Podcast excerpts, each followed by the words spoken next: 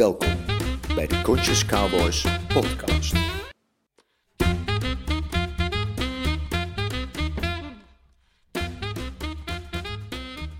Welkom bij eh, een volgende Conscious Cowboys podcast. In deze podcast praten Joris en ik ehm, drie kwartier ongeveer over het fenomeen structuur en systemen in organisaties en organisaties in de wereld en over het belang daarvan. Dus hoe, hoe je de balans kunt brengen tussen aan de ene kant structuur creëren en welke soorten structuur er zijn, maar ook hoeveel ruimte je moet openhouden voor chaos en eigen inbreng van mensen. Veel plezier! Staat hij aan? Dan beginnen we nou echt altijd met dezelfde vraag, hè? Ja, ja. Ik denk dat ik het vanaf nu altijd ga vragen of die aanstaat. ja. Ja. Sta jij aan? Eh, ja. Sta jij aan? Zo. ja, Ja. ik sta aan. Ja. Nou, welkom bij de Conscious Cowboys podcast. Podcast. Ja. Ja. We hebben als eh, voorgesprekje voor deze podcast dus een, eh, zitten kijken naar hoeveel structuur we wel of niet willen. Volgens mij hebben we dat ook al vaker gezegd, hè? ja. En Joris is niet van de structuur? Nee, Joris niet. Sascha ook niet, maar die wil het wel. Nee, ja. Sascha, die... die eh, is structuur bij jou aangeleerd gedrag? Of, Nee. Nee. Het is Precies. natuurlijke behoefte. Het is natuurlijke behoefte Ja. om die structuur te hebben. Ja.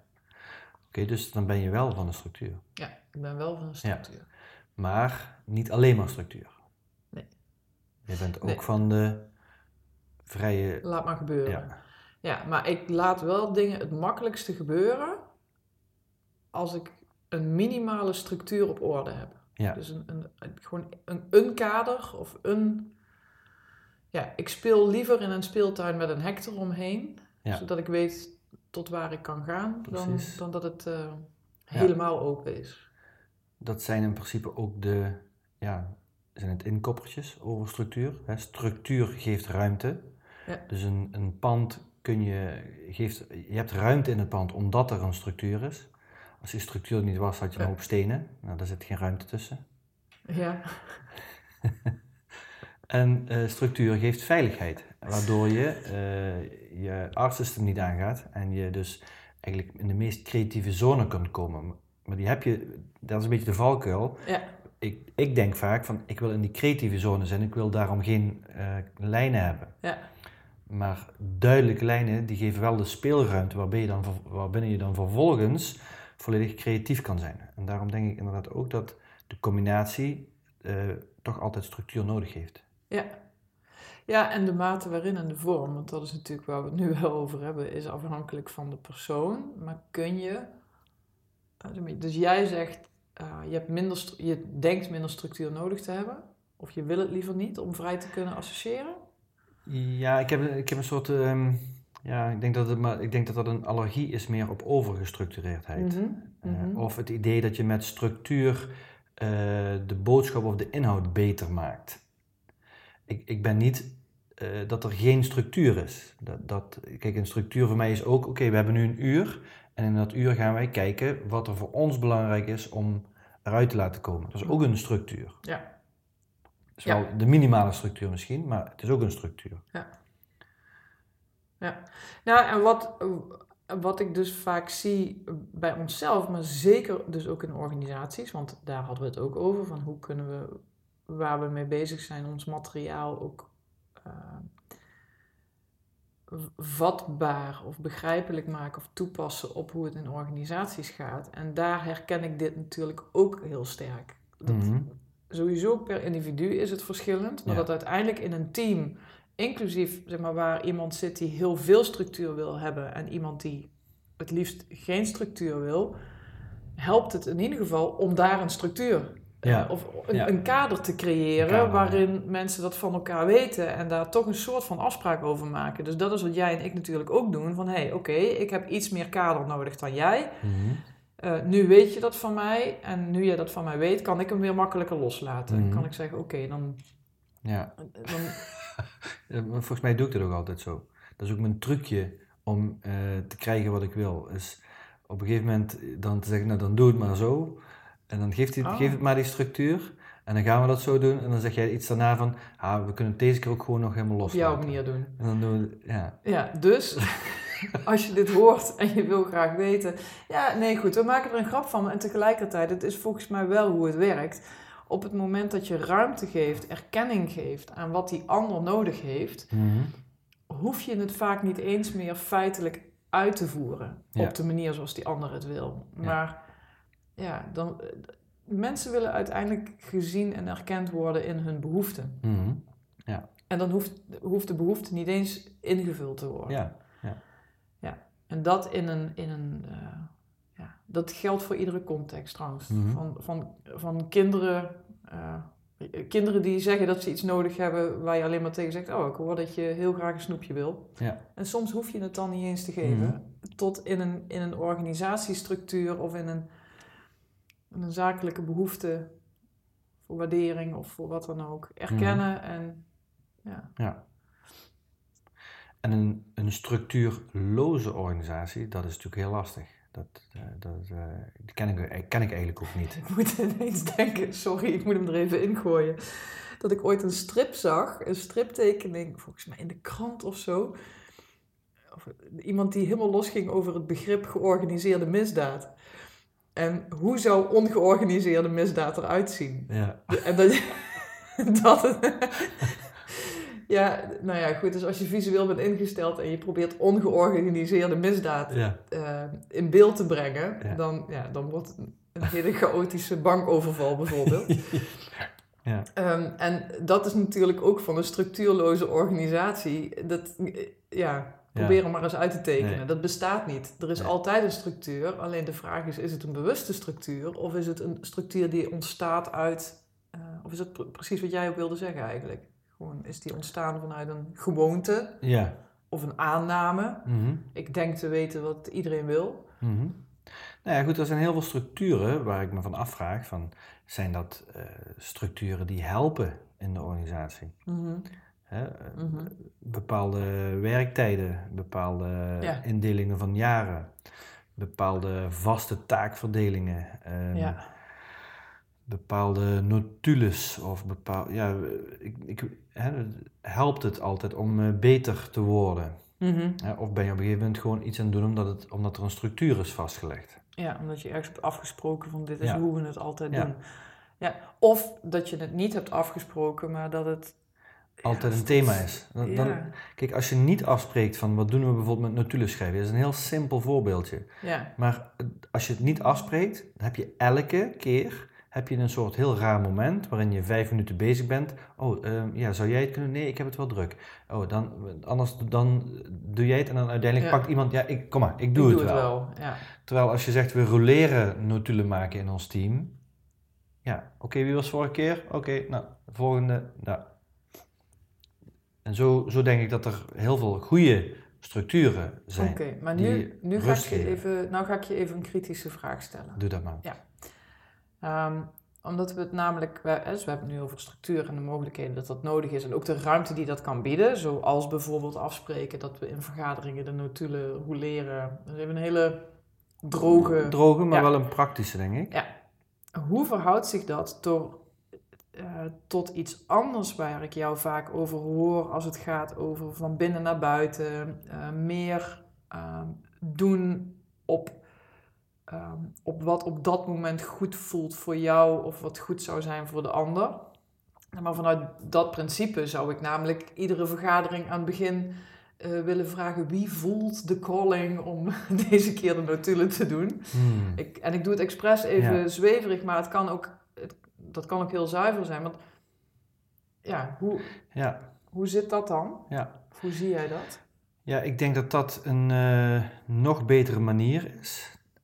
Als je ervan uitgaat dat je met bewuste, een bewust team te maken hebt. Ja, Want als je een bewust team te maken heeft en je vraagt echt wie voelt de calling. ja, en je hebt zes keer nee gezegd, dan komt er toch op een gegeven moment iets naar je collega's toe van, hmm. ja, En op het moment dat er een onbewust team is, dan van, oh ja, eh, die pakt hem altijd, dus laat hij hem lekker ook maar nu maar doen. Lekker Ja. handig. ja. Maar ik zou, als ik heel eerlijk ben, niet willen, als ik vanuit een bewust team Ja. werk, niet willen dat iemand de taak op zich neemt omdat hij al zes keer nee heeft gezegd. Ehm, maar ik, wat ik wel zie is de mogelijkheid dat hoe bewuster je mensen zijn van bijvoorbeeld hun ontwikkelprocessen. dus op het moment dat iemand heel bewust is van wat hij in een bepaalde periode te leren heeft, kan het zomaar zijn dat het, dat het schrijven van de notulen past in eh, bijvoorbeeld in het ontwikkelproces van ik wil eh, meer focus en ik wil eh, leren om met minder woorden mijn punt te maken. Nou, een goeie. Dan kan het zijn dat iemand vanuit die intentie zegt: Oh, ik wil de notulen maken, want dan kan ik dat gebruiken als leerproces. In plaats van ik doe het wel, want het moet toch gebeuren en iemand moet het doen. En ik heb al zes keer nee gezegd. En, nou, twee dingen. Voor, uh, dat zes keer nee gezegd ik bedoel dat als je bewust bent, dan voel je dat je zeg maar op een soort eenheid werkt. Mhm. En dan kun je, je kunt een tijdje zeg maar even geen zin hebben, of, maar op een gegeven moment wil je wel weer terug naar die eenheid. Mhm. En dat gevoel, ja, dat gaat op een gegeven moment meespelen. En dat heb je als er separatie is tussen de mensen en ze allemaal, ze niks uitmaakt hoe de anders, dan heb je dat stukje niet dan is het helemaal prima dat gewoon één persoon het hele jaar, de, dat, dat raak je niet eens, je voelt dat niet eens. Mhm. En als je wel verbonden bent ermee, dan voel je van, uh, nou laat ik maar eens even de keuken opruimen hier uh, in de kantine. Of uh, dan, ja, dat, dat stukje bedoel ik daarin. Ja. Um, even kijken, dat andere punt van, is dan eigenlijk de vraag van, zou het goed voor je zijn? Ja. Voor wie zou het goed zijn om, de, om deze keer de notulen te maken? Ja.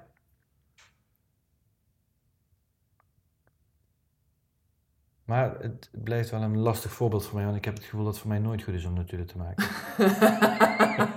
ik, maar dat vind ik ook, ik heb ook het, uh, het principe van Nautilus, uh, uh, past ja. misschien ook niet zo goed in mijn gedachten. Nou is het alleen maar een voorbeeld natuurlijk. Ja. En misschien is het goed om nog een paar andere voorbeelden ook, ook op te zoeken, want dat vind ik ook wel leuk. Maar misschien wel juist als het om het fenomeen Nautilus schrijven, als jij zegt van ja, ik heb daar sowieso niks mee wil ik je uitnodigen om bij de volgende Conscious Cowboys vergadering de notulen te maken, om, om erachter te komen wat het je op zou kunnen leveren. Mm -hmm. Dankjewel voor de uitnodiging. ja, graag gedaan. ik doe daar niet te moeilijk over. Maar, nee. um, nou, uh, maar, ja? ik, ik, onderbreek je voordat je begint te praten al. Um, ik, een ander voorbeeld wat meteen in me opkwam is dat als er dingen gedaan moeten worden, ja. dan vind ik het heel goed om te voelen van oké, wie voelt de calling om de verantwoordelijke te zijn dat dit punt de volgende keer gedaan is. Mm -hmm. En dat, uh, ja, dat is niet zo van, oh ja, je hebt nu drie keer wat gedaan, dus dan moet je... Nee, da daarin voel ik heel duidelijk van, ja, dit is, dit is echt even iets voor jou. Of ja. nee, dit is iets, ja, dat kan ik het beste doen, want ik heb dat zo gedaan. Ja. Of dat kan die persoon het beste doen, is, is dat iets voor jou? Ja. Ja, dus het gaat over een bewustere manier of een ander perspectief op klussen en taken verdelen. Ja. Ja, en, het, en waarin de uitdaging wel echt zit, en dat zie ik ook wel, tussen een balans vinden tussen van oké, waar gaan we elke keer heel veel ruimte aan geven en over be bewust, en ik doe even tussen aanhalingstekens, bewust, bewu als we heel veel energie gaan stoppen in bewuste keuzes maken, kan dat ook wel weer een beetje uit de hand lopen Ja. natuurlijk. Dus het is de balans daarin vinden. Nou, weet je wat ik wel weer grappig vind eigenlijk? Want we zijn nu over super simpele dingen aan het praten eigenlijk. Maar toch zie je eigenlijk in deze simpele principes zie je een beetje de twee stromingen bij elkaar komen waar eigenlijk alle andere transformatie ook over gaat. Ja. Als je een hele heldere structuur hebt en mensen wisselen gewoon de notulen maken. Om Ja. maar even bij dat simpele voorbeeld te blijven. Ehm, en mensen geven de weerstand op. Want daar zit het vaak. De weerstand opgeven tegen, oké, dit hoort erbij. Dan gaat het helemaal prima. Ja, Niks aan de hand. Ja. Eh, dat, is, dat is zeg maar de, de ene kant van transformeren is, dit zijn de omstandigheden en ik wil losstaan van die omstandigheden. Los van de omstandigheden wil ik gewoon lekker in mijn vel zitten. Ja. Daar gaat heel veel persoonlijke ontwikkeling over. Laat je los. met de, omstand, de, Ja, met de, ja, de omstandigheden laten zijn Ja. los daarvan. los daarvan. Ja. Ik sta los van de omstandigheden. Ik, ik zorg dat ik in mijn flow ben. En dingen die niet kloppen met, in relatie tot omstandigheden, die laat ik los. En eh, nou, en Mhm. prima. Mhm. En de andere kant, waar wij nu eh, iets naar overwegen, denk ik, is die van binnen naar buiten. Ja. En dat is juist helemaal niet loslaten eh, wat er allemaal gebeurt, maar echt van binnen voelen van wat wil er van mijn kant uitkomen. Ja. En dat, ja, dat zijn volgens mij twee, eh, Ja. Twee vormen eh, van transformatie die Ja. we allebei nodig hebben. En die dus ook bij bijna alle bedrijfsvraagstukken Ook. kun je vanuit die twee perspectieven kijken eigenlijk. Ja. Oké, dus twee vormen van structuur creëren. Zou je dat kunnen zeggen? We hebben het over twee vormen van structuur die ergens met elkaar in balans komen. Ja. ja dus als je het hebt over de, de how, what, why, who. Hè? Mhm. De how en what, en misschien ook wel de why, die zijn, die zijn nog redelijk van buiten naar binnen georganiseerd. En daarmee kun je prima superresultaten leveren. En waarom zijn die van buiten naar binnen? Op basis waarvan zeg je dat? Omdat je, je komt in een bedrijf en dan zeggen ze, nou, dit produceren we en zo moet je het doen. En dit is de reden waarom we het doen. En dan, doe maar. Of het nou bij jou past, niet bij jou past. Op die manier doen. bedoel je. Hè, dus maar als, als medewerker kom je Krijg van, je- krijg je ja. eh, van buiten, Buiten naar naar binnen, binnen. Het product, het bedrijf en de why. En het Ja. kan zijn dat je in je sollicitatie of in je zoektocht naar een bedrijf al hebt gekeken naar welk bedrijf past bij wat bij jou van binnen naar buiten Ja. komt. Maar dat is al next level. Ja. Ja. Ja, maar- en dat doen mensen natuurlijk wel, mensen, eh, veel mensen. Ja. Er is ook een hele grote groep die dat niet doen, die gewoon eh, inkomen nodig hebben. En vanuit daar gaan zoeken naar eh, welke baan waar in de buurt op fietsafstand kan ik Ja. x duizend euro verdienen. Ja. Maar goed, dat zijn niet zozeer de mensen, denk ik, die wij eh, in, bij Conscious Cowboys hebben. We zitten bij Conscious Cowboys, denk ik, eerder bij de mensen die wel al kijken van wat wil ik doen. Ja. Wat past bij mij? Welk bedrijf past bij mij? Maar vervolgens, als je dan in dat bedrijf stapt, dan denk ik dat er nog steeds veel bedrijven Mhm. eh, ja, eigenlijk de structuren van dit is wat we doen, Mhm. zo doen we het. En Mhm. hierom, dat dat redelijk vast is. Mhm. En daarom krijg je eigenlijk een vrij hoog verloop van mensen binnen afdelingen. Ja. Omdat wie die mensen zijn niet past bij dat van. Ja. Hè, dus dan krijg je weerstand. Die weerstand is niet bewust, Mhm. kunnen ze niet transformeren. Weerstand kost energie, energie gaat weg en dan krijg je eh, uitval Ja. of ziekteverzuim. Ja. En dat is, dit is denk ik hoe het eh, tot een aantal jaren geleden liep. Mhm. En nu denk ik dat je ziet dat je dat van binnen naar buiten er echt aan toe aan het voegen is. Ja. Dat bedrijven zeggen, ik wil niet meer al dat verloop hebben. En eh, de jongere generatie, die doet dat sowieso allemaal niet meer 10 jaar of 15 jaar. Ja. Dus we moeten veel beter gaan luisteren naar de mensfactor, die er altijd in heeft gezeten. En wat heel veel mensen altijd al roepen, of al 20 jaar roepen, van Ja. mensen moeten veel meer centraal. Hè, maar nu is denk ik de tijd dat dat stukje mensen centraal, mensen eerst, wie is het? Eh, en natuurlijk moet je daar ook een selectie maken, dat je wel mensen aan boord hebt die in lijn zijn met natuurlijk de visie van een bedrijf. Ja. Maar de ruimte die nu gegeven wordt voor de persoon, Mhm. ik denk dat die alleen maar groter aan het worden is. En ik denk dat dat een hele goede zaak is. Ja. Ja. Nee, ik ben terwijl je het aan het vertellen bent aan het denken van, nou weet je, ik heb best wel bij bedrijven in huis gezeten die, die primair als bedrijf nou niet een hele inspirerend product of een inspirerende dienst hebben, maar wel een dienst die gewoon geleverd moet worden in de wereld. Ehm, als je kijkt naar een energieleverancier of een netbeheerder, en ja, er zal best wel een handjevol mensen in dat bedrijf zitten die een ontzettende passie eh, daarvoor hebben.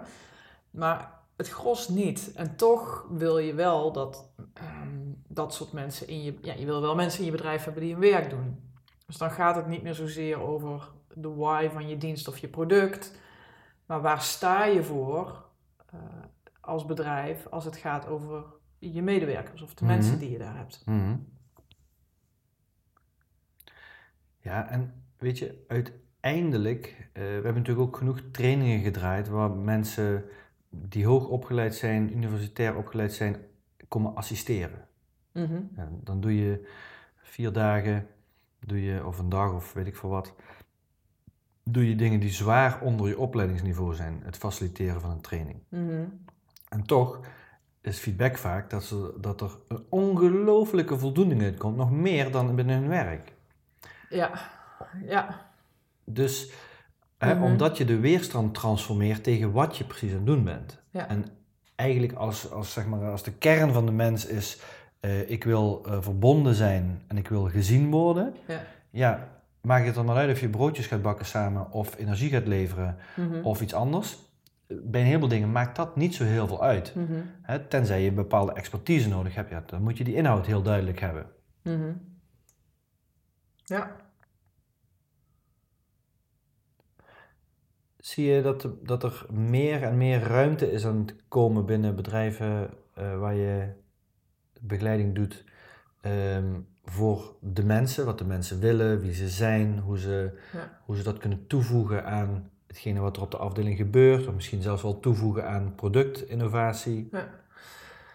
ja, die vraag kan ik alleen maar met ja beantwoorden, want ik kom bij een bedrijf Ik- binnen omdat ze dat doen. Ja, ja. Anders zouden ze mij überhaupt al niet uitnodigen. Ja, dat is waar. Dat was ook een beetje een strikvraag eigenlijk. Ja, dank je. Ehm, maar ehm, omdat mijn, mijn aandacht naar deze ontwikkelingen toegaat, valt het me wel meer en meer op natuurlijk. Op het, ik bedoel, ook als je de krant leest of eh, de tv volgt, of de, dat de, de hele beweging ehm, veel meer daar naartoe gaat. En we hadden net het al even over dat als je kijkt naar de beweging van de afgelopen tien jaar, dus dat, dat tien jaar geleden eh, dat boek uitkwam van Simon Sinek. Ehm, ja, de, de Golden Circle en, en het focus leggen op de why, dat heeft hij niet bedacht. Mhm. Alleen hij heeft tien jaar geleden besloten daar een, een boek en een verhaal Ja. bij te maken. Ja. Ehm, daar zit natuurlijk een hele ontwikkeling aan vooraf. Dus je kan Mhm. kijken, ah, b- mijn ouders waren 40 jaar geleden ook al bezig met een bepaalde vorm van zelfontwikkeling. Ja. Maar die was destijds wel heel erg zweverig, zeg maar. Dat was Mhm. echt wel een, een bepaald type mensen wat dat deed. En in die loop van de jaren zie je dat, dat tot tien jaar geleden, het waren of bedrijven en dan met name hele ho- hoge managers die heel erg dat persoonlijk leiderschapstrajecten deden, of super zweverig eh, aan die kant van het spectrum mensen die persoonlijke ontwikkeling gingen volgen. En nu is het steeds normaler dat mensen dat doen. Mhm. En hoe normaler het wordt dat mensen werken aan hun persoonlijke ontwikkeling, hun potentieel willen onderzoeken, ehm, eh, hoe- vaker mensen op een eh, punt in hun leven komen dat ze denken: Oh, wat ik aan het doen ben, is dat wel wat ik wil, of zal ik het roer omgooien? Sterker nog, hoeveel tv-programma's zijn er wel niet over Ja. het roer om? Alleen al Ja. letterlijk met die titel. En doordat dat gebeurt, doordat die beweging er is, kunnen bedrijven daar ook niet onderuit. Mhm. Je, niet alleen omdat je dat verloop niet in je bedrijf wil of omdat je kwaliteit wil, maar Mhm. gewoon omdat je als bedrijf ook een maatschappelijke veran- verantwoordelijkheid hebt om ja, zorg te dragen voor de dingen die belangrijk zijn in de samenleving. En persoonlijke ontwikkeling, maar ook mensen met elkaar in verbinding brengen, zijn volgens mij onderwerpen die nu zo belangrijk zijn voor mensen dat een bedrijf daarin moet faciliteren. Ja, ja, ja. Ja. Nou ja, er is natuurlijk nu ook in eh ja, 10, 20 jaar dat er steeds meer transparantie komt overal in. Hè? Mhm. En dat brengt met zich mee dat mensen ook steeds meer de gevolgen zien van alles wat we doen. Wat bedoel je trouwens met Nou, dat, transparantie? we, dat we internet hebben, Ja. eh, dat je films hebt van over de hele wereld, waardoor je allerlei dingen kunt volgen, het Ja. nieuws. Ehm, eh, ja, de, het, het, eh, als een Facebook, Instagram waar je, en YouTube waar je ja, rechtstreeks dingen kunt zien die aan de andere kant van de wereld zijn opgenomen. Mhm. Eh, wetenschappelijk onderzoek denk ik ook dat er aan mee eh, speelt. Dus de, de, informa- het informatietijdperk Ja. eh, leert ons dat we, eh, zeg maar, je, je kunt niet meer echt ergens in, ja het kan nog, het gebeurt nog wel, maar in één land eh, het helemaal verknoeien zonder dat iemand op de wereld daarachter komt. Ja, dat bedoel je met Ja, transparanter. en dat ja. kon vroeger wel. Ja. Hè? En doordat alles transparanter wordt en we nu weten hoe onze kleding gemaakt wordt en wat daar dan vervolgens Ja. gebeurt als er een gebouw instort met duizend mensen erin, eh, staat dat in het nieuws en eh, worden er vragen bij gesteld. Ja. Nou, 50 jaar geleden hoorde niemand daarvan waarschijnlijk. Ja. En nu ga je daardoor nadenken, oh wacht even, ik ben ook mede verantwoordelijk eh, door mijn kleren te kopen en doordat die keten zo in elkaar zit, dat, Ja. dat zo- zo'n dingen gebeuren. Ja. En dat in die vraag leven van, oké, wat Mhm. moet ik hiermee? Wat Mhm. kan ik hiermee? Wil ik hier wat mee? In die vraag leven, dat is bewustwording. Mhm.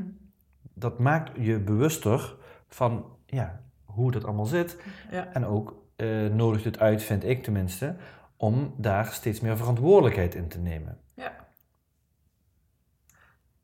Ja, jij als persoon, maar dus de- in een groter perspectief mensen in het algemeen. En dus iets waar bedrijven zich ook bewust van Ja. Kunnen zijn, op, in ieder geval. Dus we zullen niet zeggen moeten, maar wel kunnen zijn. En dat heeft, ehm, en dat heeft weer impact op de mensen die er werken of die er willen werken.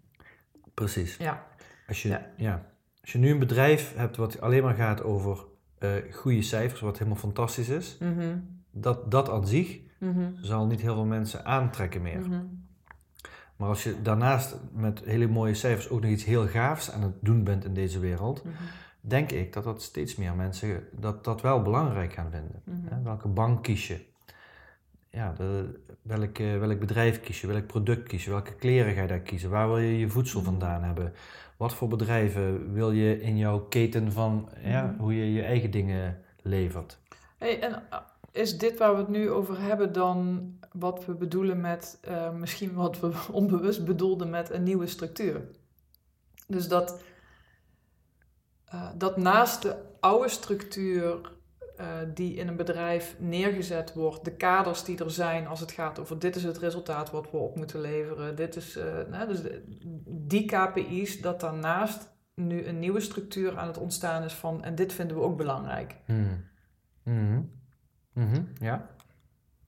En wat Mhm. eh, een structuur, of wat wij ook wel vaak benoemen als de context waarbinnen iets gebeurt. En Mhm. waarbij dus een bedrijf, zowel een, de, waarbij medewerkers of mensen in een bedrijf voor zichzelf een bepaalde structuur kunnen creëren. Van nou, dit zijn de dingen die ik wil leren minimaal dit jaar. Of hier wil ik me in ontwikkelen. Of ik wil zoveel dingen doen die ik nog nooit gedaan heb. Of, eh, maar ook als bedrijf. Dus hè, wat ik net zei, van het kan zijn dat je als bedrijf een dienst of een product levert wat simpelweg geleverd moet worden. Maar dan kun je nog steeds kijken met, met welke andere bedrijven wil ik samenwerken. En wat vind ik daar belangrijk in? Mhm. Huur ik consultants in van bureau X die eh, eh, op winst uit zijn of op, Mhm. op resultaat, of van bureau Y die op impact in een groter plaatje uit zijn. Mhm. Dat soort, dat soort structuren zijn zich ook aan het ontwikkelen. Ja, ja volgens mij hè, de, de, de manier van organiseren die is steeds meer van lineair naar eh, chaos. Naar, Ja. en, het, en in de chaos gewoon gaan verbinden wat er nodig is en wat er op dat moment al is, Mhm. op basis van gelijke waardesystemen. Mhm. In plaats van een structuur in lineaire zin die, die er eigenlijk tot nu toe eh, gemaakt werd. Mhm. Ja, dus ik geloof ook wel dat er steeds meer mensen steeds flexibeler verbinding zullen maken en zullen Mhm. zoeken op basis van hey, wat, wa- welke kant zullen we het op gaan. En ik wil een partij daarbij die ook daarachter staat. Nou ja, je, je- we gaan dus steeds meer eigen systemen bouwen. Systemen die eh, sustainable Mhm. zijn voor het doel wat we aan het eh, naleven zijn met elkaar. Dus er worden ook systemen gebouwd van samenwerkingsverbanden tussen bedrijven die of eenzelfde why hebben of eenzelfde ja, structuur zoeken. Of, Ja. Ja. ja. En natuurlijk, het start eh, ook, ook met wat is het product dat geleverd wordt. Want eh, natuurlijk ga je eerst zoeken naar wat heb ik nodig. Mhm. Hè, maar vervolgens als je een keuze hebt uit drie, nou welke kies je dan? Mhm. Ja, is dat zo? Zit ik me nu te bedenken, want ik vind hem, ik bedoel, hij is super logisch dat je je eerst afvraagt wat heb ik nodig. Maar ik realiseer me ook de laatste periode dat er dingen op ons pad komen Mhm. die een product aanbieden waarvan ik nog niet wist dat ik het nodig had. Ah, ja. Maar omdat ik het verhaal erachter zo goed vind, Ja. vind ik wel een toepassing. Wauw, ja, ja. Nou, dit, dit krijg ik kippen van. Ja. Ja. Wat Eh, altijd betekent dat kans en potentieel bij elkaar komen in een mogelijkheid. Ja. En ik hoor trouwens dat meer mensen kippenvel wel eens krijgen als er Ja. iets klopt Ja. voor hen. Ja. Maar eh, ja, wat je zegt is, ei- ik herken het zeker. Het is eigenlijk heel mooi, dat gevoel dat je, hey, met deze mensen, daar moeten we iets mee doen, maar je weet niet precies wat. En vervolgens eh, proef je aan de, de dingen die je aan het doen bent als bedrijf. En daarin zie je, hé, hey, maar dit is een nieuwe mogelijkheid. Ja. En eigenlijk had je die van tevoren helemaal niet gezien. Nee, precies. Dus je hebt, ja, fantastisch zeg. We Dat- hadden dat- toch in het seminar van afgelopen maandag gebruikte Arthur het voorbeeld eh, van, hoe heet dat bedrijf, Patagonia? Hmm, weet ik even niet meer. Ja, volgens mij heet het Patagonia, dat is een, een Amerikaans bedrijf in, eh, in eh, reisspullen. Of, Mhm. ehm, en, oh, het is echt heel gênant als ik het nu verkeerd vertel, maar goed.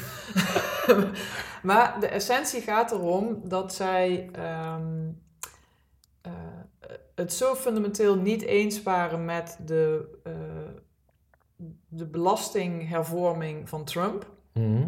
Eh, omdat, omdat dat ten voordele was weliswaar van hun bedrijf economisch gezien, maar ten nadele van een heleboel andere mensen, dat zij besloten hebben dat alle winst die ze extra maken door die belastingtransformatie, dat ze die onmiddellijk doneren weer aan de club die er eh, de dupe van is. En alleen al door dat verhaal kreeg, dacht ik van oké, wat kan ik met dat product in mijn bedrijf doen? Dus zeg maar, wat kunnen wij activeren met Ja. Conscious Cowboys, waardoor wij die producten nodig hebben om dat te gaan promoten? Dus ik denk Ja. dat dat wel degelijk, ja. ja, dat soort gedachtegangen als bedrijf, als je, als je dat kan uitstralen naar buiten, dat weer Ja. mensen naar je toe trekt die niet wisten dat ze je nodig hadden. Ja. Ja, dat is mooi. Dus eh, echt, echt een mooi inzicht wat je net deelde. Want dat, dat is echt van binnen naar buiten groeien. Ja. En daar krijg je dus die, omdat het van binnen naar buiten is, dat daar veel meer eh, verbinding en veel meer Ja. je elkaar daarin gezien eh, wordt, waardoor je elkaar gaat gunnen Ja. om elkaar te supporten. Ja, nou weet ik het weer. Het zijn outdoor artikelen. En zo zijn er natuurlijk veel meer. Ik bedoel, jij zit met een dopper in je handen. Mhm. Het verhaal van dopper, eh, Mhm. wat volgens mij nog steeds niet voldoende overal in de wereld bekend is. Ik, Mhm. ik ga hem nu niet toelichten. Als je het wil weten, google het. Maar het verhaal van dopper kan er zomaar voor zorgen dat jij ineens behoefte krijgt aan een dopper. Ja, ja, In plaats van aan altijd een flesje water bij je hebben. ja. En dat vind ik een hele mooie beweging op dit moment in de wereld. Vind ik Ja. ook een interessante beweging vanuit marketingoogpunt. En, en ja, weet je, er, zit, er zitten allerlei gave concepten die dan eh, aan kunnen gaan. Hè? Dus dan gaat mijn eh, passie eh, van conceptontwikkeling ook meteen aan. Maar ik vind hem ook wel mooi vanuit het purposegericht kijken. En jij hebt het net over de chaos die er op dit moment... ehm, dan hebben we het over creatieve chaos eigenlijk. Ja, ja. Hè? Van er is zoveel mogelijk en er, zullen, Mhm. er is dat wat, wat bij elkaar komt, komt bij elkaar omdat het een magnetische werking heeft op elkaar. We Ja. kunnen niet meer vanuit mind, vanuit logisch denken, bedenken met wie we samen willen werken. Nee, we resoneren met iemand. We krijgen Mhm. kippenvel van een concept. We, ja. we komen iemand tegen op een netwerkborrel en er klikt iets. En we kunnen nog niet precies pinpointen wat het is. Maar hey, volgens mij moeten jij en ik nog eens een keer koffie gaan drinken. En daar ontstaan samenwerkingen door. Dat is waar, waar nieuwe samenwerkingsstructuren ontstaan. En niet, volgens mij niet meer vanuit kennis of vanuit ik heb dit product nodig, dus dat ga ik zoeken. Ja, maar dus die andere vorm. Wat daarin cruciaal, denk ik, is, is wel de factor geven. Ja. Want Ja. eh, het stukje, hey, wij moeten eens koffie drinken, want ik heb het idee dat we wat, om te kijken of we wat voor elkaar kunnen betekenen. Oh ja. Dat, in het verleden, dat ben ik op een gegeven moment echt niet meer gaan doen, want dat ging over, altijd over nemen eigenlijk. Het ging altijd over, ik heb geen klanten en ik zie dat jij het goed doet, kun je me helpen eh, Ja. ergens een klant te komen? En dat, dat noemden we dan iets voor elkaar kunnen betekenen. Ja. Ja, ik snap wel heel goed wat je bedoelt. Terwijl ja. op het moment dat je op dat gevoel zit en je, je geeft, je Mhm. support iemand, want je voelt, hé, hey, oké, ik, ga, ik ga met jou mee of ik neem jouw product af, terwijl ik het eigenlijk niet nodig heb of zo, maar ik neem het toch af, want ik vind dit gewoon heel gaaf, dit verhaal, dan, dan is het geven. Ja. Ja. Dus als je dat bij elkaar pakt, je zegt van ja, elkaar opzoeken en op basis van resonantie van de verhalen of van de redenen, de whys waarom we iets doen of de intenties die we hebben bij elkaar uitkomen, ja. Mits je allebei komt vanuit niet we hebben elkaar iets te geven, maar we hebben samen iets aan de wereld te geven. Ja. En dat, Ja. dat klinkt hoogdravend en tegelijkertijd is het eigenlijk heel simpel als Ja. je het zo kan doen. Ja, ja. En natuurlijk, daar zit, daaromheen zit ook weer een kader. eh, een kader wat zegt, hey, wij zijn Conscious Cowboys en Mhm. we hebben deze en die doelgroep Mhm. en dit is ongeveer wat we doen. Mhm. Eh, en binnen, binnen dat kader is dat, dit dan de manier van ontwikkelen. Ja. Dat is eigenlijk ook min of meer hoe ons eerste half jaar gegaan is, denk ik.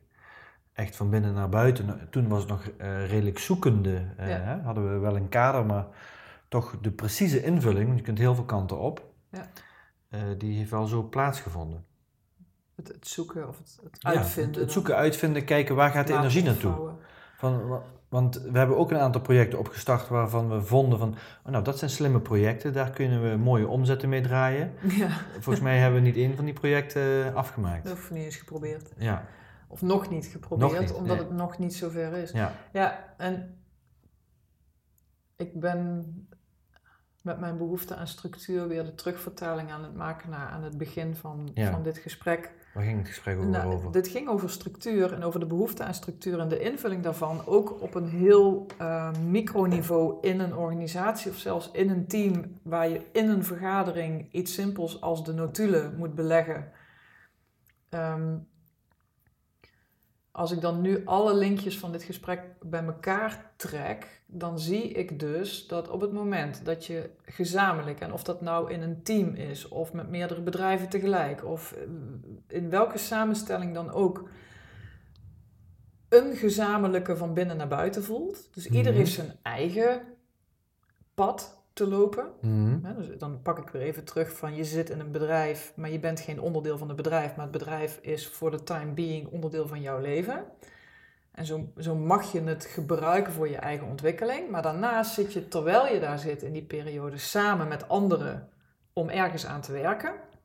En hoe inspirerender en hoe authentieker dat gezamenlijke doel is, hoe gaver het bijna is om daar meer in te geven dan dat je misschien wel van plan was toen je, toen je er kwam werken. Mhm. En dat je dan vanuit een hele andere intentie zegt: Ik maak de notulen. Want Ja, niet omdat dat kan zijn omdat het mooi past in, eh, in je proces Mhm. van je ontwikkeling om met minder woorden je punt te maken, weet ik veel, ik noem Mhm. maar iets. Maar het kan ook zijn, en het kan ook zijn omdat je al zes keer nee hebt gezegd en voelt dat je Ja. eh, dat onderdeel je wil zijn. je steentje Ja, wil bijdragen. En dat, dan is het je steentje bijdragen. Mhm. Maar het kan ook zijn van, ja, ik wil die notulen schrijven, want als ik dit vanavond thuis of, mor- of morgen, weet ik Mhm. veel, op welk moment dan ook ga uitwerken, dan ben ik in dienst van een groter Ja. doel, eh, Ja. even mijn ego opzij zettend, eh, ja, iets aan, en dat is ook een steentje bijdragen, maar een steentje bijdragen plus, een Ja. beetje in die zin. En dat, die structuur neerzetten eh, met groepen, dat, ja, Ja. ik denk dat dat een mooie ontwikkeling is. Dat steeds meer teams op die manier gaan kijken. Ja. En dan kan het zelfs nog gebeuren dat je op een bepaald moment zegt van jongens, zullen we toch weer iemand inhuren om die notulen te maken, want onze energie en inspiratie en time is precious. We kunnen veel meer impact maken op veel meer mensen als ik die twee uur niet notulen uit aan het werken ben, maar eh, Mhm. Nou, dat, dat dat haakt wel aan. Kijk, we hebben natuurlijk afgelopen week een fantastisch seminar gehad. mhm. hè? 50 conscious leaders. eh, die. Waar we een echt super inspirerende dag gehad hebben. Op een top verzorgd. eh, ja, mooie verbindingen tussen mensen. ben je nou het volgende seminar Eh, aan het ik ben het promoten? volgende se- seminar nu aan het eh, posten en het promoten voor iedereen. Ehm, en eh, ehm, je, je hebt daar heel veel in betekend in de structuur. Dus in het opzetten van de lijnen, in het organiseren, Ja. in het doordenken van welke onderwerpen, welke volgorde. Ehm, maar je hebt ook heel veel eh, in het organiseren gedaan van dat allemaal, waar je vervolgens achteraf van zegt: Oké, super, want je moet dat een keer gedaan hebben. Ja. Je moet exact weten hoe dat soort dingen Ja. werken. Ja. Maar vervolgens, dat is een taak die dadelijk eh, door anderen gedaan moet worden. 100 procent. Ja. Ja. Ehm, want jouw kwaliteit komt niet het beste naar voren als jij in zo'n structuur de verantwoordelijkheden neemt voor het organiseren van. Ja. Tenminste, dat, dan wordt het wel eh, eh, nou, tot perfectionisme bijna toe, wordt het misschien wel geregeld. Mhm. eh, maar dat is niet hetgene waar jij het zelf het meest gelukkig van wordt, van binnen naar buiten. Mhm. Ja. Dus wat zijn, wat zijn jouw inzichten daar dan nu, als je het over structuur en Ja. die keuzes maken eh, in hoe dat wij dit georganiseerd hebben? Ja, in relatie tot het grotere plaatje Ja. van hoe mensen dingen organiseren. Nou, Ja, In willekeurige volgorde. Een, aantal lessen die ik opnieuw nu leer, maar die ik, waar ik altijd wel achter sta, is dingen zelf gedaan hebben. Mhm. Op een manier minstens voordat je ze bij anderen gaat beleggen. ja.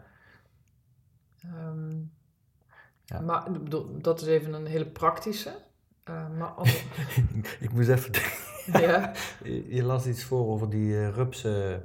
Dus dat er, ja, dat er, die processierupsen. die processierupsen. Dus dat er nu mensen ingehuurd worden die er geen verstand van hebben. Ja. Maar omdat niemand is die er wel...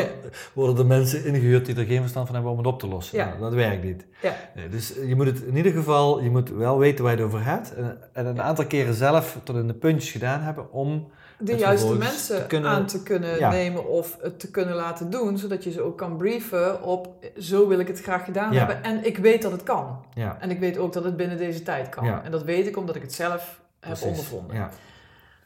Ehm, maar dat is mijn manier. Ik zeg niet dat dat voor iedereen zo geldt, maar ik, ik vind dat prettig. Ik wil, som, ik wil soms dingen gewoon zelf, met, ik wil met mijn poten in de klei gestaan hebben voordat ik anderen eh, het moeras instuur. Mhm. Ehm, ehm, maar dat is nogmaals, dat is een beetje een praktisch uitvoeringsstuk. Ehm, aan de andere kant, wat ik ook ontdekt heb, is dat ehm, als. dus het is ook goed om de uitvoering te doen om omdat ik denk dat als je dingen voor elkaar wil krijgen, en of het nou gaat over een goed seminar neerzetten, of de samenleving veranderen, of eh, eh, het huis schoonmaken. Weet je, ik Mhm. noem maar even Ja. een paar hele uiteenlopende dingen. Maar als je ergens een verschil wil maken, dan moet je bereid zijn om dat voor 100% te willen doen. Dus ik, ik, ik voel altijd een behoefte van, ik wil weten wat het maximale hierin is. Mhm. En niet, het is echt niet zo dat ik een perfectionist ben. Ik ben wel een perfectionist, maar niet dat het altijd 100% moet zijn. Mhm. Maar ik wil wel op zijn minst voelen wat 100% is en ehm daarnaar streven. Mhm. En 100% zit nou eenmaal niet alleen maar in de grote lijnen. Ja. 100% zit heel vaak juist in de details. Mhm. Op de grote lijnen kun je 90% eh, kwaliteit en impact halen. Maar ik denk dat uiteindelijk de, de echte punchline ligt daar waar alle details en de context en de thema's en waar alles bij elkaar komt in een perfecte balans en combinatie. En dan ja, dan is het belangrijk dat er een bos bloemen staat en ehm, dat, dat, dat de stoelen op een bepaalde manier Ja. geordend in een zaal staan. En De bloemen waren trouwens echt heel mooi. de bloemen waren prachtig. Ja. En, en achteraf realiseer ik me pas wat de toegevoegde waarde is van zo'n bos bloemen. Ja. En die ook zelf kopen. En zelf in die vaas zetten. En dat, dat gaat eigenlijk alleen maar om dat je liefde en aandacht en energie op een heel klein detailniveau in een groter geheel aan het zetten bent. Liefde, aandacht, energie. Ja. Ja. En ik denk dat door zelf eh, af en toe met je poten in de klei te gaan staan en dat te doen vanuit ik, ik wil ook het detail van mijn organisatie af en toe aandacht, liefde en energie geven. Mhm. Want daarmee groeit de rest. Dan is Ja. dat in ieder geval iets wat ik zie. Ehm, maar goed, wat ik ook gezien heb, is dat doordat ik dat aan het doen ben, ehm, dat ik op zo'n dag zelf ehm, wel nog steeds heel erg daarmee bezig ben. Omdat er niemand, en natuurlijk we waren met z'n vieren, maar we niet iemand erbij hadden die de details eh, in de gaten bleef houden, ehm, was ik er dus mee bezig. Ja. En, eh, en terwijl mijn, mijn waarde als het gaat over ehm, teachings geven of mensen meenemen in een proces, is het allergrootste als ik vrij ben met mijn hart en mijn hoofd om te geven en te faciliteren wat er in dat moment nodig is. Mhm. En ja, dat, dat vraagt ook 100%. Ja. Ja. En als, ik, ja, en als ik dan 5% bezig ben met de details in de ruimte, ben ik dus niet met 100% Nee. eh, bij het En moment. misschien mag ik deze even erin gooien, want die hebben in het seminar ook erin gegooid en dat is volgens mij heel goed geland. Eh, je hebt dus aan de ene kant van wat doen we in het seminar Hè, de, de structuur en hoe het eruit ziet en de inhoud. hè. Mhm. En vervolgens, maar eh, wie zijn wij Mhm. achter eh, datgene wat we dus nu aan het leveren zijn in het seminar? Ja. Nou, die, die inhoud, die willen we richting de 10. Het ho- hoeft geen 10 te zijn, maar Ja. we kijken richting de 10. We kijken altijd van, hebben de ambitie. wat kan er beter? Waar, waar liggen mogelijkheden om nog te groeien? Daar is helemaal niks mis mee. Hè? Dat, ehm, waar gaat het vervolgens in fout? Of waar zit de, de, de downside? Is niet in die 10, maar wie ben jij terwijl je aan het kijken bent naar die 10? Ja. En die hadden we eh, ook weer onderverdeeld. Eigenlijk de who behind the why hadden we ook weer in een 10-punt schaal eh, ge- gegoten. Ja. Waarin we zeggen, als jij op spanningsniveau 1, 2, 3 zit, ja, dan heb je helemaal geen uitdaging. Dan ben je helemaal niet bezig om een 10 te... Want er zit gewoon geen, geen spanning op. Ja. Eh, zit je dan op een eh 4, 5, 6, 7, daar zit zeg maar de maximale prestatie, omdat je daar maximaal in je flow komt. Bij 4 Ja. begin je aan te gaan staan en bij 7 ben je gewoon een volle actie in de richting van de 10. Even, even een tussendoorcheck. Gewoon, want ik had zelf ook moeite om je helemaal te volgen toen al nu ook. Van, met spanningsniveau heb je het over terwijl ik een seminar of een. Of, eh, en dat is dan ik was een seminar neer aan het zetten, maar iemand die luistert is misschien een ander bedrijfsresultaat aan het neerzetten. Terwijl ik dat aan het doen ben. In welk, welke mate ben ik gestretched? Ja. Is dat wat je zegt? Ges- Gestretched, gespannen, mijn staat van zijn. Is dat, Ja. is dat een... Sta ik aan? Sta ik op scherp? Of, Nou, eh, vanaf 7 gaat, gaat je... Ja, we noemen zeven het, wat? Vanaf spanning 7, dus uitdaging 7. Uitdaging. Uitdaging Oké. 7. Ik denk dat uitdaging 7 In is. welke mate word ik uitgedaagd? Als Ja. het maar een beetje is, dan, dan zeg je, hè, zoals de uitdaging 1, 2, 3 is. Dus het is iets, ik doe het met twee vingers in mijn neus en... eh, Ja, ik ben heel even aan het kijken wat, wat het juiste woord is. Want ik denk toch dat spanning beter is. Want er gebeurt, bij de 7 gebeurt iets. Hè, Ik heb daar gezegd, 7 is heaven. Omdat je daar nog in een hele ontspannen manier bent naar de 10 aan het kijken. En dat is optimale prestatie. Boven de 7, dan gaan je overlevingsmechanismes aan, omdat je het niet meer gehandeld krijgt allemaal. mhm. En dan wordt, krijg je een, een gespannen toestand eigenlijk. Dan ben je gespannen bezig om van de 8 naar een 9 te Dan gaan. ben je geforceerd. Geforceerd. Dan ben je uit de flow. Ja. En eh, hè, dat, dat, dat gebeurt, je, je hersenen, het, het, het eh, reptiele brein wordt geactiveerd en het gaat vluchten, vechten, bevriezen. En dat zijn de reacties die je gaat zien als iemand in die overspanning komt. Of je gaat frustreren, of je gaat juist stil worden, of je gaat weg en iets anders doen en eh, resultaat wordt minder. Ja. En zolang als jij op die 7 kan blijven, dan zit je zeg maar in de, in de flow. Dus ik, ik zou het toch misschien als spanning. Wie ben jij achter wat je doet? Jouw relatie tot wat je doet. Is dat een 7 in spanning of hoger? Mhm. Waarom is het spanning en niet uitdaging? Omdat sommige mensen die worden uitgedaagd 9, die vinden dat fantastisch. Om Mhm. 9, die voelen zich, maar die voelen zich dan nog steeds qua Zeven. relaxedheid een 7. Een, een gezonde spanning, Ja. heerlijke spanning, maar nog steeds gezond. Positieve stress, zullen we Ja. maar zeggen. En dat heeft niet En- iedereen, maar afhankelijk van waar je goed op gaat. Precies. dat- Precies. Dus eigenlijk, eh, als je gaat meten, of nee, ja, waar je naar kan kijken, is van waar ga ik goed op? Zeg maar, Mhm. wat is mijn ideale spanningsboog? Mhm. Ja? Dat kun je zeggen van, oké, dan, dan zit daar is dus mijn 7. Mhm. Want daardoor kun je ook een stuk potentieel weer zien, hè? Ja. Mooi. Boven de 7 gaat het een beetje pijn doen. En als je pijn hebt, gaan je overlevingssystemen aan, ga je afsluiten, ga je niet meer optimaal eh, presteren.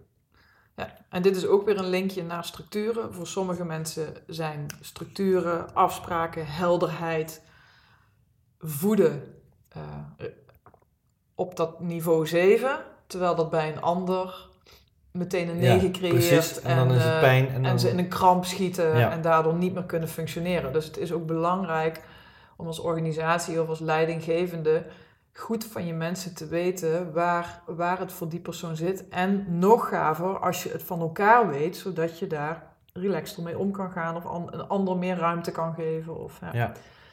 En je- het is eigenlijk, mensen weten het eigenlijk ook wel. Want je weet als je met een team werkt en je loopt allemaal op je tenen, dat dat niet het beste... Dat, dat, dat kun je wel een korte periode eventjes een Mhm. heel piekresultaat, maar dat kun je niet op termijn vasthouden. Terwijl als je als team allemaal lekker in de 7 zit, soms even een 8, Ja. soms even terug naar een 4.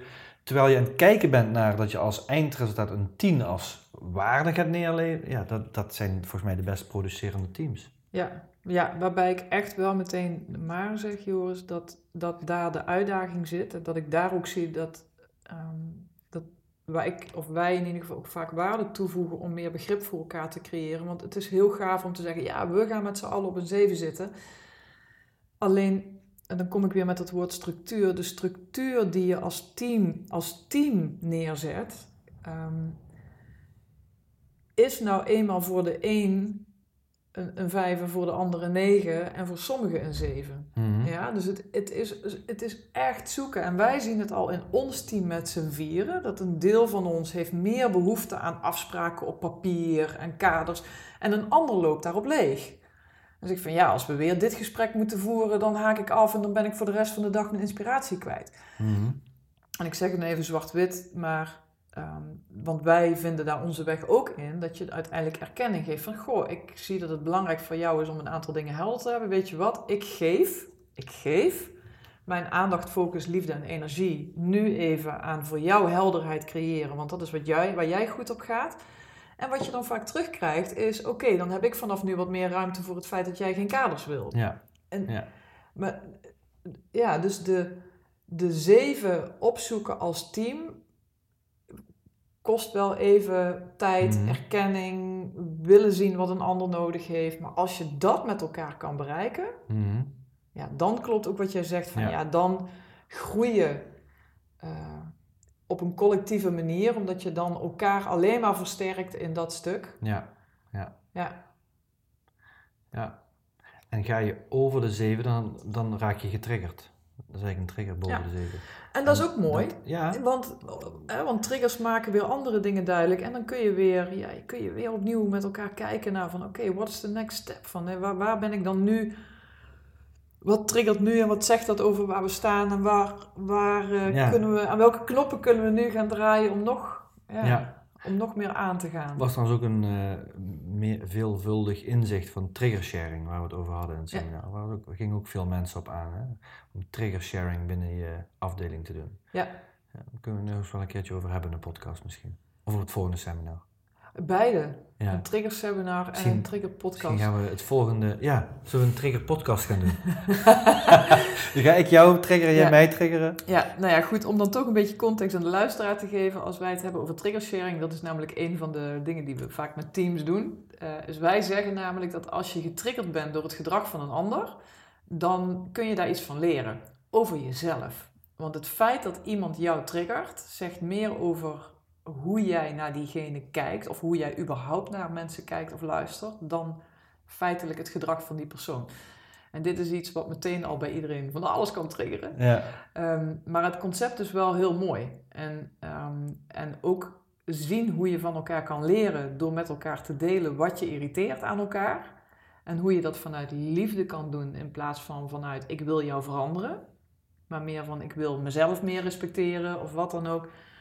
Ja, daar kunnen mooie dingen uit gebeuren. Ja. Dus eh, nou ja, ik vind het een podcast waard. Maar ja, aangezien wij nooit echt van tevoren bedenken waar een podcast over gaat, Ja. weet ik niet wanneer die gaat komen. ja, Maar voor nu, Joris, heb je het gevoel dat we eh, in deze podcast, die per toeval over structuur ging ehm, en structuren in de maatschappij gekoppeld aan, aan processen waar wij naar kijken, dat we waarde hebben toegevoegd? Dat we, Nou, hebben we, ja, ons, ons doel was om een eh, structuur te creëren tijdens het Ja. eh, doen. ja, een rode Ja, draad. een rode maken. draad.